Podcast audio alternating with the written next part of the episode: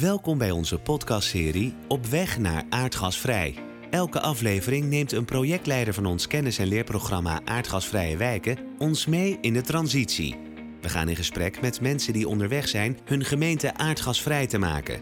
Luister mee als zij ons vertellen over hun projecten, ervaringen en plannen. Welkom, fijn dat je luistert. Ik ben Maaike Liem, projectleider van het thema Verbinden van opgaven binnen het kennis- en leerprogramma Aardgasvrije Wijken. In een aantal podcasts neem ik je mee langs onderwerpen die raken aan de aardgasvrije opgave. We onderzoeken welke opgaven samenkomen in de wijk, hoe die elkaar kunnen versterken en het draagvlak in de buurt kunnen vergroten. Dit doen we aan de hand van voorbeelden uit de praktijk en door in gesprek te gaan met kenners van de betreffende onderwerpen. Vandaag zijn we in gesprek met Henk van den Berg over wat er in Nederland onder de grond gebeurt. Hij legt uit hoe de energietransitie vraagt om binnen gemeente beleid en uitvoering dichter bij elkaar te brengen. Welkom Henk. Zou jij jezelf willen voorstellen? Ja, natuurlijk. Eh, mijn naam is dus Henk van den Berg en al sinds een aantal jaren doe ik een opdracht voor de VNG om gemeenten te helpen hun relatie te leggen tussen onder meer de energietransitie en datgene wat er in de bodem en de ondergrond gebeurt. Welke veranderingen zie jij door de klimaatverandering in de bodem ontstaan? Ja, wat we wel eens vergeten in, in Nederland is dat we, we leven in een deltaland. Dus wij hebben heel veel uh, invloed van, uh, van de zee op, uh, op het grondwater en daarmee dus ook op de bodem. En met name Noord-Holland, Zuid-Holland, Friesland en een deel van Groningen en Zeeland. Daar merk je heel duidelijk de verzilting bijvoorbeeld in de bodem ontstaan, maar ook dat het grondwaterpeil steeds verder omhoog gaat. In andere delen van, van het land zie je dat juist door droogte er inklinking is van de bodem.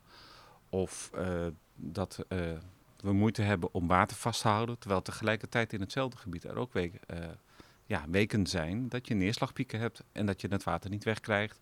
En dat mensen natte voeten gaan krijgen. En dat betekent dat de druk op de bodem wordt daar steeds groter. Want aan de ene kant wil je graag die neerslagpieken bijvoorbeeld op kunnen vangen. Maar aan de andere kant moet je er ook voor zorgen ja, dat, je, dat je om kunt gaan met de problemen die door droogte of die door verzilting komen.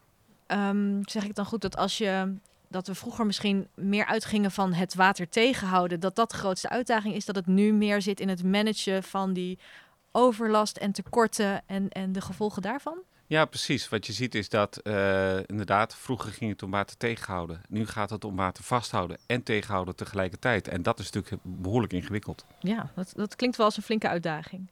Um, en, en welke veranderingen zie je dan door de klimaatverandering in de bodem ontstaan? Nou ja, wat je concreet ziet is uh, in het westen van Nederland is dat er verzilting komt. Ja. En, en wat betekent dat bijvoorbeeld? En dat is misschien nog wel, want we lezen dat wel vaak, dat dat uh, een gevolg heeft. Maar de vraag is, wat betekent dat? Wie merkt daar nou wat van? Nou, bijvoorbeeld als jij uh, een bollenkweker bent of je bent een paprika-teler. En ja, op een gegeven moment, jij hebt zoet water nodig. En dat is, dat, dat is dus eindig. Dat wordt dus minder. Hoe meer verzilting je hebt in, in, in Noord- en Zuid-Nederland, hoe minder zoet water je ter beschikking hebt. Bijvoorbeeld Zeeland heeft nauwelijks eigen zoet water meer. Die moet het hebben van regen, hemelwater, moet dat kunnen opvangen en heeft ja, dus ruimte nodig om met dat hemelwater te kunnen bergen, op te kunnen slaan. Um, om op die manier uh, aan haar eigen zoetwatervoorziening te kunnen voldoen. Ik hoor je voorbeelden noemen van de tuinbouw en landbouw. Um, heeft het ook invloed of effect op de infrastructuur? Ja, dat kan. Uh, bijvoorbeeld ondergrondse infrastructuur hangt van de materialen af die je gebruikt in de ondergrond. Sommige materialen blijken achteraf niet zo goed. Bijvoorbeeld bepaalde type rioolbuizen bleken niet zo goed tegen zout water te kunnen. Of bepaalde, zoals ze dat noemen, filters voor warmte-koude opslag. Dat zijn, wat je doet met warmte-koude opslag is warm water oppompen in de winter. dat terugpompen in de bodem. En in de zomer doe je het andersom. Dan, dan, dan warm je het of dan pomp je het koude water op en dan koel je het gebouw en dan pomp je het weer terug. Maar wat je dan bijvoorbeeld zag is dat ja, dat gaat met zogenaamde filters. Dat, uh, dat kan niet zomaar alles meekomen natuurlijk als je, als je dat oppompt. Dat dan die filters niet tegen het zoute water kunnen. Moet je wel van tevoren weten. Kun je allemaal oplossen, maar je moet wel van tevoren weten. Dus als je het hebt over het effect op de infrastructuur, heeft dat dan alleen te maken met, met de verzilting? Of zijn er dan ook nog andere uitdagingen die eh, in de bodem ontstaan door de klimaatverandering? Nou ja, misschien niet zozeer door de klimaatverandering. Het is de, de, de vraag of je een groot effect hebt, is natuurlijk uh, uh, afhankelijk, of dat zo is, is afhankelijk van in hoeverre heb je je, heb je, je ruimte of je matjes al gebruikt. Dus als jij uh, een, een, een, in, in een land woont waar nog helemaal niks in de grond zit en waar we nog heel weinig beroep doen op de bodem, dan is een beetje klimaatverandering, vang je daarmee wel op. Maar wat wij doen in Nederland, wij gebruiken die bodem heel erg intensief en heel erg inefficiënt. We hebben altijd in Nederland uh, ja, de mogelijkheid gehad om dingen in de grond te stoppen. En nooit de noodzaak gehad, omdat wat we aan de bovengrond hadden, om de ondergronds te gaan ordenen. Waardoor je een soort ordening van de ondergrond krijgt, wie het eerst komt, wie het eerst maalt. En dat heeft tot gevolg dat met name uh, ja, in, in, in wat meer uh, bebouwde omgeving heel veel kabels en leidingen op een ongeordende manier in de ondergrond zitten en dus heel veel ruimte in beslag nemen.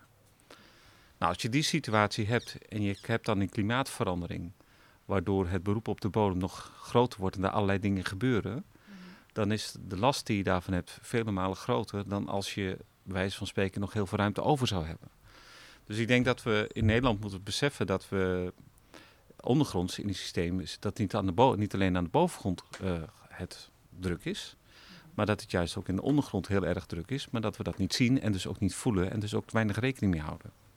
Ja, dat klinkt wel als een uh, issue wat wel heel erg kan spelen, zeker op het moment dat er bijvoorbeeld warmtenetten aangelegd moeten worden. Nou ja, dat is dus wat wij dus nu overal beginnen te zien. Uh, is dat op het moment dat, uh, ja, dat er vrij makkelijk een keuze wordt gemaakt om wel of niet een warmtenet te doen op basis van draagvlak, betaalbaarheid en komt de business case rond. En dat is ook heel begrijpelijk dat je daarmee begint. Maar vervolgens ga je dan de bodem in en dan wil je hem leggen.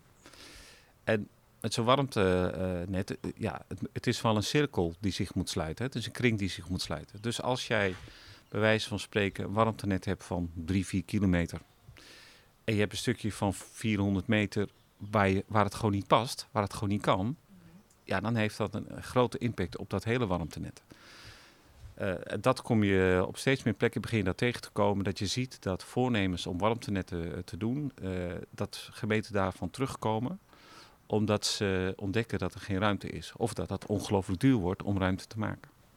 Je noemt nu een aantal uh, voorbeelden die je tegenkomt in de praktijk. Um, waar, waar heb je dat op gebaseerd, je beeld? Nou, we hebben als VNG, denk in 2000, begin 2016, heeft de VNG besloten dat het nodig is om uh, gemeenten de mogelijkheid te geven dat zij geholpen worden bij het wat wij dan noemen het leggen van de relatie tussen maatschappelijke opgaven, zoals energie en, uh, en klimaatverandering, de omgang daarmee, en hun bodem en ondergrond. En om dat te kunnen doen, hebben we uh, met behulp van ondersteuning van het uitvoeringsprogramma Bodem en Ondergrond, hebben we samen met Deltaris hebben we, met gemeenten aan de slag kunnen gaan. En we hebben dat in totaal in de afgelopen vier jaar met 120 gemeenten gedaan. En uh, nou, dan, wat je dan ziet is de elke gemeente heeft zijn eigen vraagstukken en zijn eigen uh, dynamiek. Maar je ziet ook uh, patronen, dingen die bij alle gemeenten eigenlijk spelen. En, dan, en als je dan vraagt, wat, wat is dat dan? Ja, dan ga je toch terug naar van, goh, hoe zijn nou die gemeenten georganiseerd? Hoe werken nou die verschillende afdelingen binnen zo'n gemeente samen? En dat blijkt heel bepalend te zijn voor de manier waarop zij met hun ondergrond kunnen omgaan en knelpunten kunnen zien aankomen. En wat wij dan zien is dat het besef dat je ook ondergrondse ruimteschaarste hebt, uh, dat dat besef eigenlijk bij veel beleidsmakers en mensen die met energietransitie bezig zijn, dat dat ontbreekt. En dat geldt trouwens ook voor de mensen die met eh, klimaatmaatregelen bezig zijn. Een heel duidelijk uh, voorbeeld daarvan is dat bij de bekende klimaatstresstesten de ondergrond zit daar niet in. Wordt daarin in, niet uh, meegenomen. En dat laat ook wel zien dat dat niet heel scherp bij iedereen uh, op het netvlies staat. En dan kun je vragen stellen van, goh, is dat erg? Um, nou ja, erg in, in die zin dat je moet dat denk ik dat weinig mensen zich realiseren dat de energietransitie ook betekent dat je bijna altijd iets in die ondergrond doet. Al is het maar een kabeltje, al is het maar een leiding, elk laadpunt betekent een handeling in de ondergrond. Elk aanvraag voor een airco van, van, een winkelier betekent een extra aansluiting in de ondergrond. Zonnepaneelvelden moeten aangesloten worden op middenspannings- of hoogspanningsstations. Dat betekent tracés in de ondergrond. En dat besef dat, dat het wel eens zo zou kunnen zijn dat die ruimte er niet is, of dat het te duur is om die ruimte te maken, dat is nog te weinig bij de, met name de beleidsmakers uh, bekend. En wat we ook zien is dat, is dat het de, de, de, de mensen in de praktijk, de beheerders, de civiel techneuten, dat die het moeilijk vinden om heel duidelijk te zeggen van goh, zo en zo is die situatie in de grond en dit kan wel en dit kan niet. Vaak uh, is men iets te gedetailleerd of iets technisch en wordt die informatie niet goed begrepen. Dus ze hebben misschien ook moeite om elkaar goed te begrijpen op elkaars uh, vakgebied. Ja, dat is, wij hebben geconstateerd, uh, en dat, dat, dat staat ook in een, in een artikel wat op de website van de VNG staat. Maar we hebben geconstateerd dat er twee grote dingen zijn die je eigenlijk zou moeten oplossen in die, binnen die gemeente. Dat is namelijk dat je de vakgebieden beter moet, met elkaar moet kunnen laten communiceren. Maar ook uh, dat door die vakgebieden heen, de mensen die meer strategisch met zo'n vakgebied bezig zijn en de mensen die uitvoerend met zo'n vakgebied bezig zijn, ja, dat dat wat los van elkaar is gekomen en dat je actief zou moeten gaan werken om die twee uh, lijnen, die twee uh, domeinen binnen de, binnen de gemeente, om die be beter bij elkaar te krijgen. Het bijzondere is hier is wel dat wat we van gemeenten zeggen van, goh, uh, het Rijk staat heel ver van de, van de uitvoeringspraktijk af. Maar voor een deel zien we die, die patronen dus ook binnen gemeente zelf terug. Oké, je noemt dus nu een aantal punten waarin je zegt van nou, we zien hier wel wat patronen waarin het uh, niet goed gaat of waar er meer risico is om, om die communicatie goed te, te, te missen. Zijn er ook voorbeelden te noemen uh, waar het wel goed gaat? Nou, je, ziet dat uh, een gemeente als, als gemeente Horen, dat die net onder meer ook door uh, de obstakels die ze hebben ondervonden op het moment dat ze een warmtenet uh, bezig waren, plannen te maken voor een warmtenet.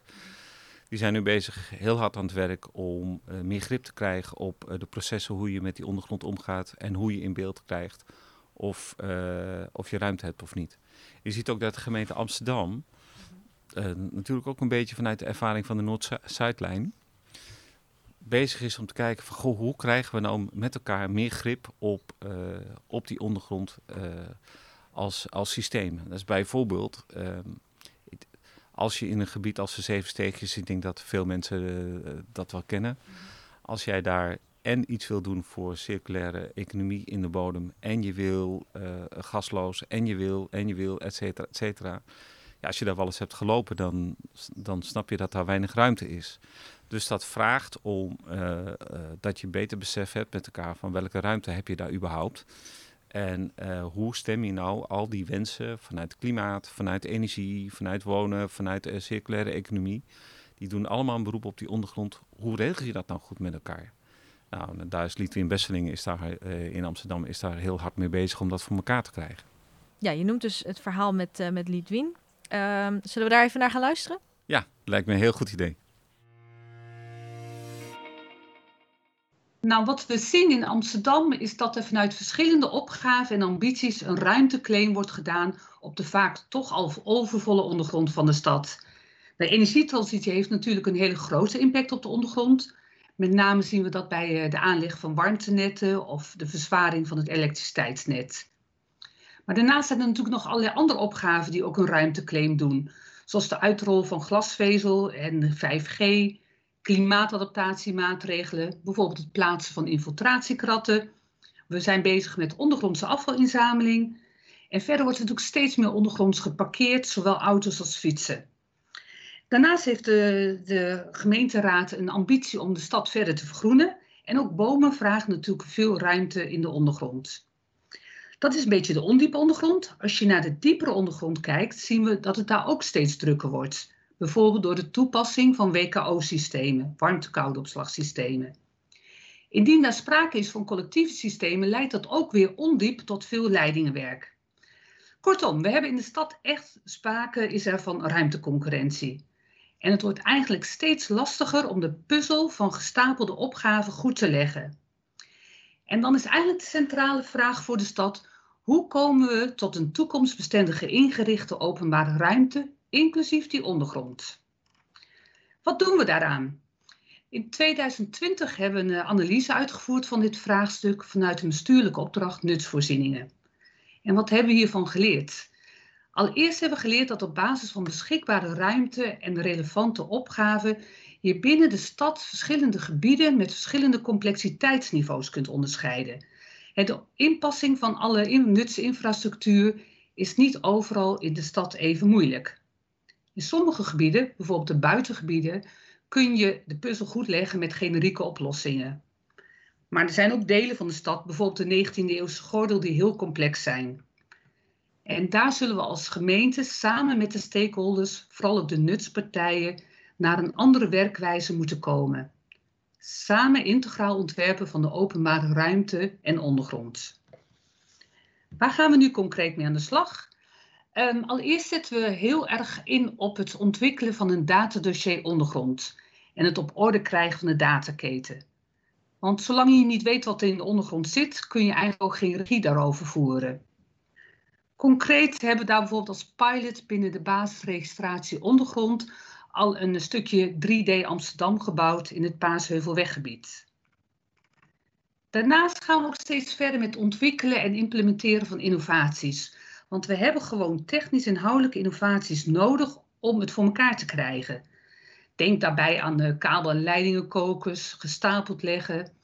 Maar het betekent ook andere manieren van samenwerken, andere manieren van financieringsmodellen, om gewoon eh, samen met de partijen dit voor elkaar te krijgen. Um, in dat kader zijn we bijvoorbeeld ook bezig met de evaluatie van de integrale Leidingentunnel, die al 15 jaar onder de Zuidas ligt, en uh, het plaatsen van infiltratiekratten in de Kattenburgerstraat.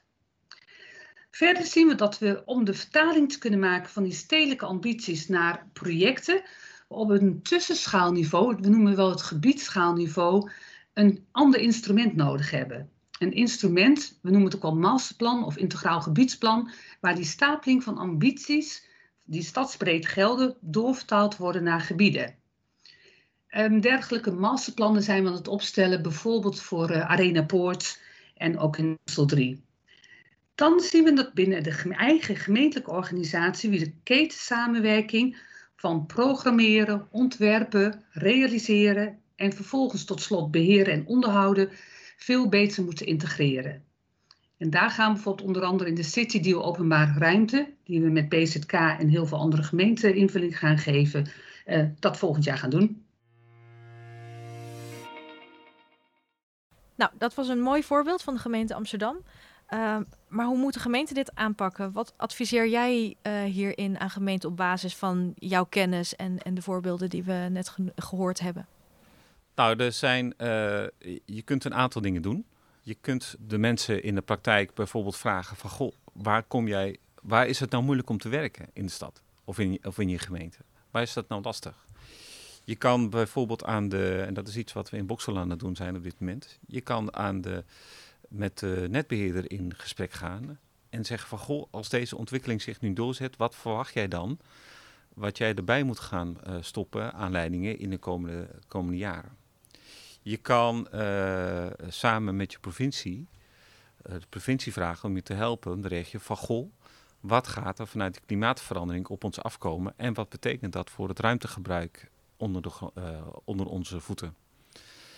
En eigenlijk komt het steeds op deze vraag terug. De vraag die je stelt, als, waar je, wat je normaal gesproken als gemeente doet als je een wijk ontwikkelt, of als je iets anders doet wat ruimte in de bovengrond in beslag neemt. Die vraag moet je eigenlijk ook voor de ondergrond gaan stellen. Wat betekent het nou? En dan met elkaar in scenario's gaan denken. Als je dat gaat doen, dat gaat niet in één keer goed. Wat wij zien is dat je nodig is dat, het, uh, dat je met elkaar een traditie ontwikkelt. Dus beleidsmakers, mensen die met de energietransitie bezig zijn en mensen die in de praktijk zijn, de rioolbeheerders, de wegbeheerders, om dit de kennis en uh, ervaringskennis van je gemeente, van die eerste, meter, eerste meters onder de weg of onder je voeten. Dat die, hoe je die ervaringskennis zo kunt vertalen dat je daar als beleidsmaker en als bijvoorbeeld programmamanager energie iets mee kan. En wij hebben in de gemeente Den Helder gezien dat dat niet vanzelf gaat. Die traditie is er niet in die vakgebieden en dat zullen we moeten ontwikkelen met elkaar. Het is wel noodzakelijk om dat vrij snel te doen en om dat ook actief te doen, omdat je anders een behoorlijke vertraging gaat krijgen in die uitvoering van je energietransitie en je warmtetransitie. En ook investeringen gaat doen waarvan je later zegt van ja, dat was misschien toch niet zo heel erg handig om dat zo te doen. Dus wat je eigenlijk zegt van het kost misschien aan de voorkant wel wat meer tijd en wat meer energie om dat goed aan de voorkant het gesprek aan te gaan. Als je eigenlijk nog niet helemaal zeker weet wat er allemaal nodig is, wat er allemaal precies gaat werken. Hey, je scenario's zijn nog niet heel helder. Maar als je het nu nog niet aan de voorkant doet, dan heb je straks aan de achterkant een veel grotere rekening. Ja, daar koersen we op dit moment op af. En ik zou bijna zeggen van goh, uh, de, bijvoorbeeld die warmtetransitie, die blijkt dus behoorlijk hardnekkig te zijn. Dat is natuurlijk ook hartstikke ingewikkeld. Als je nog niet weet of mensen het kunnen betalen als je nog geen goede ideeën hebt hoe je het überhaupt betaalbaar maakt en waar je warmtebronnen vandaan komen en allemaal van dat soort dingen. En daar zie je dus ook een vertraging ontstaan bij veel gemeenten in, in hun uh, plannen. Maar je, je zou die vertraging ook als kans kunnen zien. Want dat geeft je wel de ruimte of de tijd om tegelijkertijd ook dit proces binnen je gemeente goed gaan organiseren. En daar ben je gewoon wel anderhalf jaar of zo mee bezig voordat je daar goed de, de, de, ja, je daar de echte uitkomsten van hebt. Maar het gaat wel betekenen dat je plannen straks veel makkelijker uitgevoerd gaan worden. Uh, voor we gaan afronden wil ik je nog even twee dingen vragen. De volgende podcast zal gaan over de verbinding tussen de aardgasvrij opgave en werkgelegenheid. En mijn eerste vraag is: heb je een advies of een idee dat je vanuit jouw vakgebied zou willen meegeven? En mijn tweede vraag is: wat zou jij graag van werkgelegenheid willen weten of leren? Nou, het eerste is. Um, als je, uh, en dan kan ik toch wel weer beginnen vanuit de ondergrond van. En wat heeft dat dan met werkgelegenheid te maken? Als jij een waterleiding, iets, iets aan een waterleiding wil doen, dan moet iemand dat doen die daarvoor gecertificeerd is. En iemand is apart gecertificeerd voor een waterleiding. Iemand is apart gecertificeerd om iets te doen met een gasleiding. Uh, en ook daar zijn nog allerlei categorieën in. Hoe complexer het is, hoe meer de opleiding je gehad moet hebben, hoe meer diploma's je moet hebben. Dat betekent dat als je in een warmtetransitie heel stevig aan de gang gaat met al, met al die dingen, dat je heel veel mensen nodig hebt die, die dat kunnen. En het blijkt dat die mensen, dat is als nage, nagerekend, blijkt dat uh, die mensen er op dit moment en onvoldoende, in onvoldoende mate zijn. Dus als je het hebt over werkgelegenheid, hier komt een enorme vraag naar mensen die gewoon praktisch gezien gecertificeerd zijn en goed opgeleid zijn om die werkzaamheden straks uit te kunnen voeren. En het zou heel mooi zijn als uh, in het kader van werkgelegenheid nu al daarop wat geanticipeerd om te zorgen dat goede opleidingen zijn. Maar ook dat er nog eens goed gekeken wordt naar die certificering van goh, kun je daar niet toch wat meer bundelen dan hoe het nu is. Het is heel praktisch, maar het gaat wel gaat om behoorlijk wat banen. Dus een mens gaat ongeveer 20.000 of zo. Dat soort dingen is waar, waar je het over hebt. En je andere vraag was? Wat je graag van werkgelegenheid zou willen weten of leren. Nou, wat wij echt nog kunnen leren van werkgelegenheid is dat je toch ziet dat, dat uh, in dat domein men beter vooruit kan kijken. Dus het verhaal wat ik nu net hield, net hield, dat betekent toch dat er blijkbaar partijen zijn die, die heel scherp weten van goh, als dit en dit op ons af zit te komen, hebben we dat en dat en dat nodig. En als het om de ondergrond gaat, en dat zei ik net ook al, als het gaat om bouwen van scenario's, dan hebben we heel veel anekdotische informatie, of heel veel voorbeelden hebben we. Maar we hebben heel weinig systeeminformatie. Wat zijn nou de echte rode draden? Wat zijn nou de echte uh, lange termijn ontwikkelingen? En alleen al het feit dat we niet, op dit moment niet goed weten wat onze beschikbare ruimte is, ja, als je dan kijkt hoe ver men daar in de werkgelegenheidsdomein al mee is, dan zijn we daar misschien wel een beetje jaloers op. Dankjewel Henk voor je bijdrage aan deze podcast. Graag gedaan. Hiermee zijn we aan het eind gekomen van deze aflevering. Volgende keer praten we over werkgelegenheid en de aardgasvrije opgave. Naast deze podcast organiseren we nog tal van andere activiteiten. Wil je meer informatie, je aanmelden voor de nieuwsbrief, bijeenkomst of leerkringen? Dan kan je www.aardgasvrijewijken.nl bezoeken. Bedankt voor het luisteren en tot de volgende keer.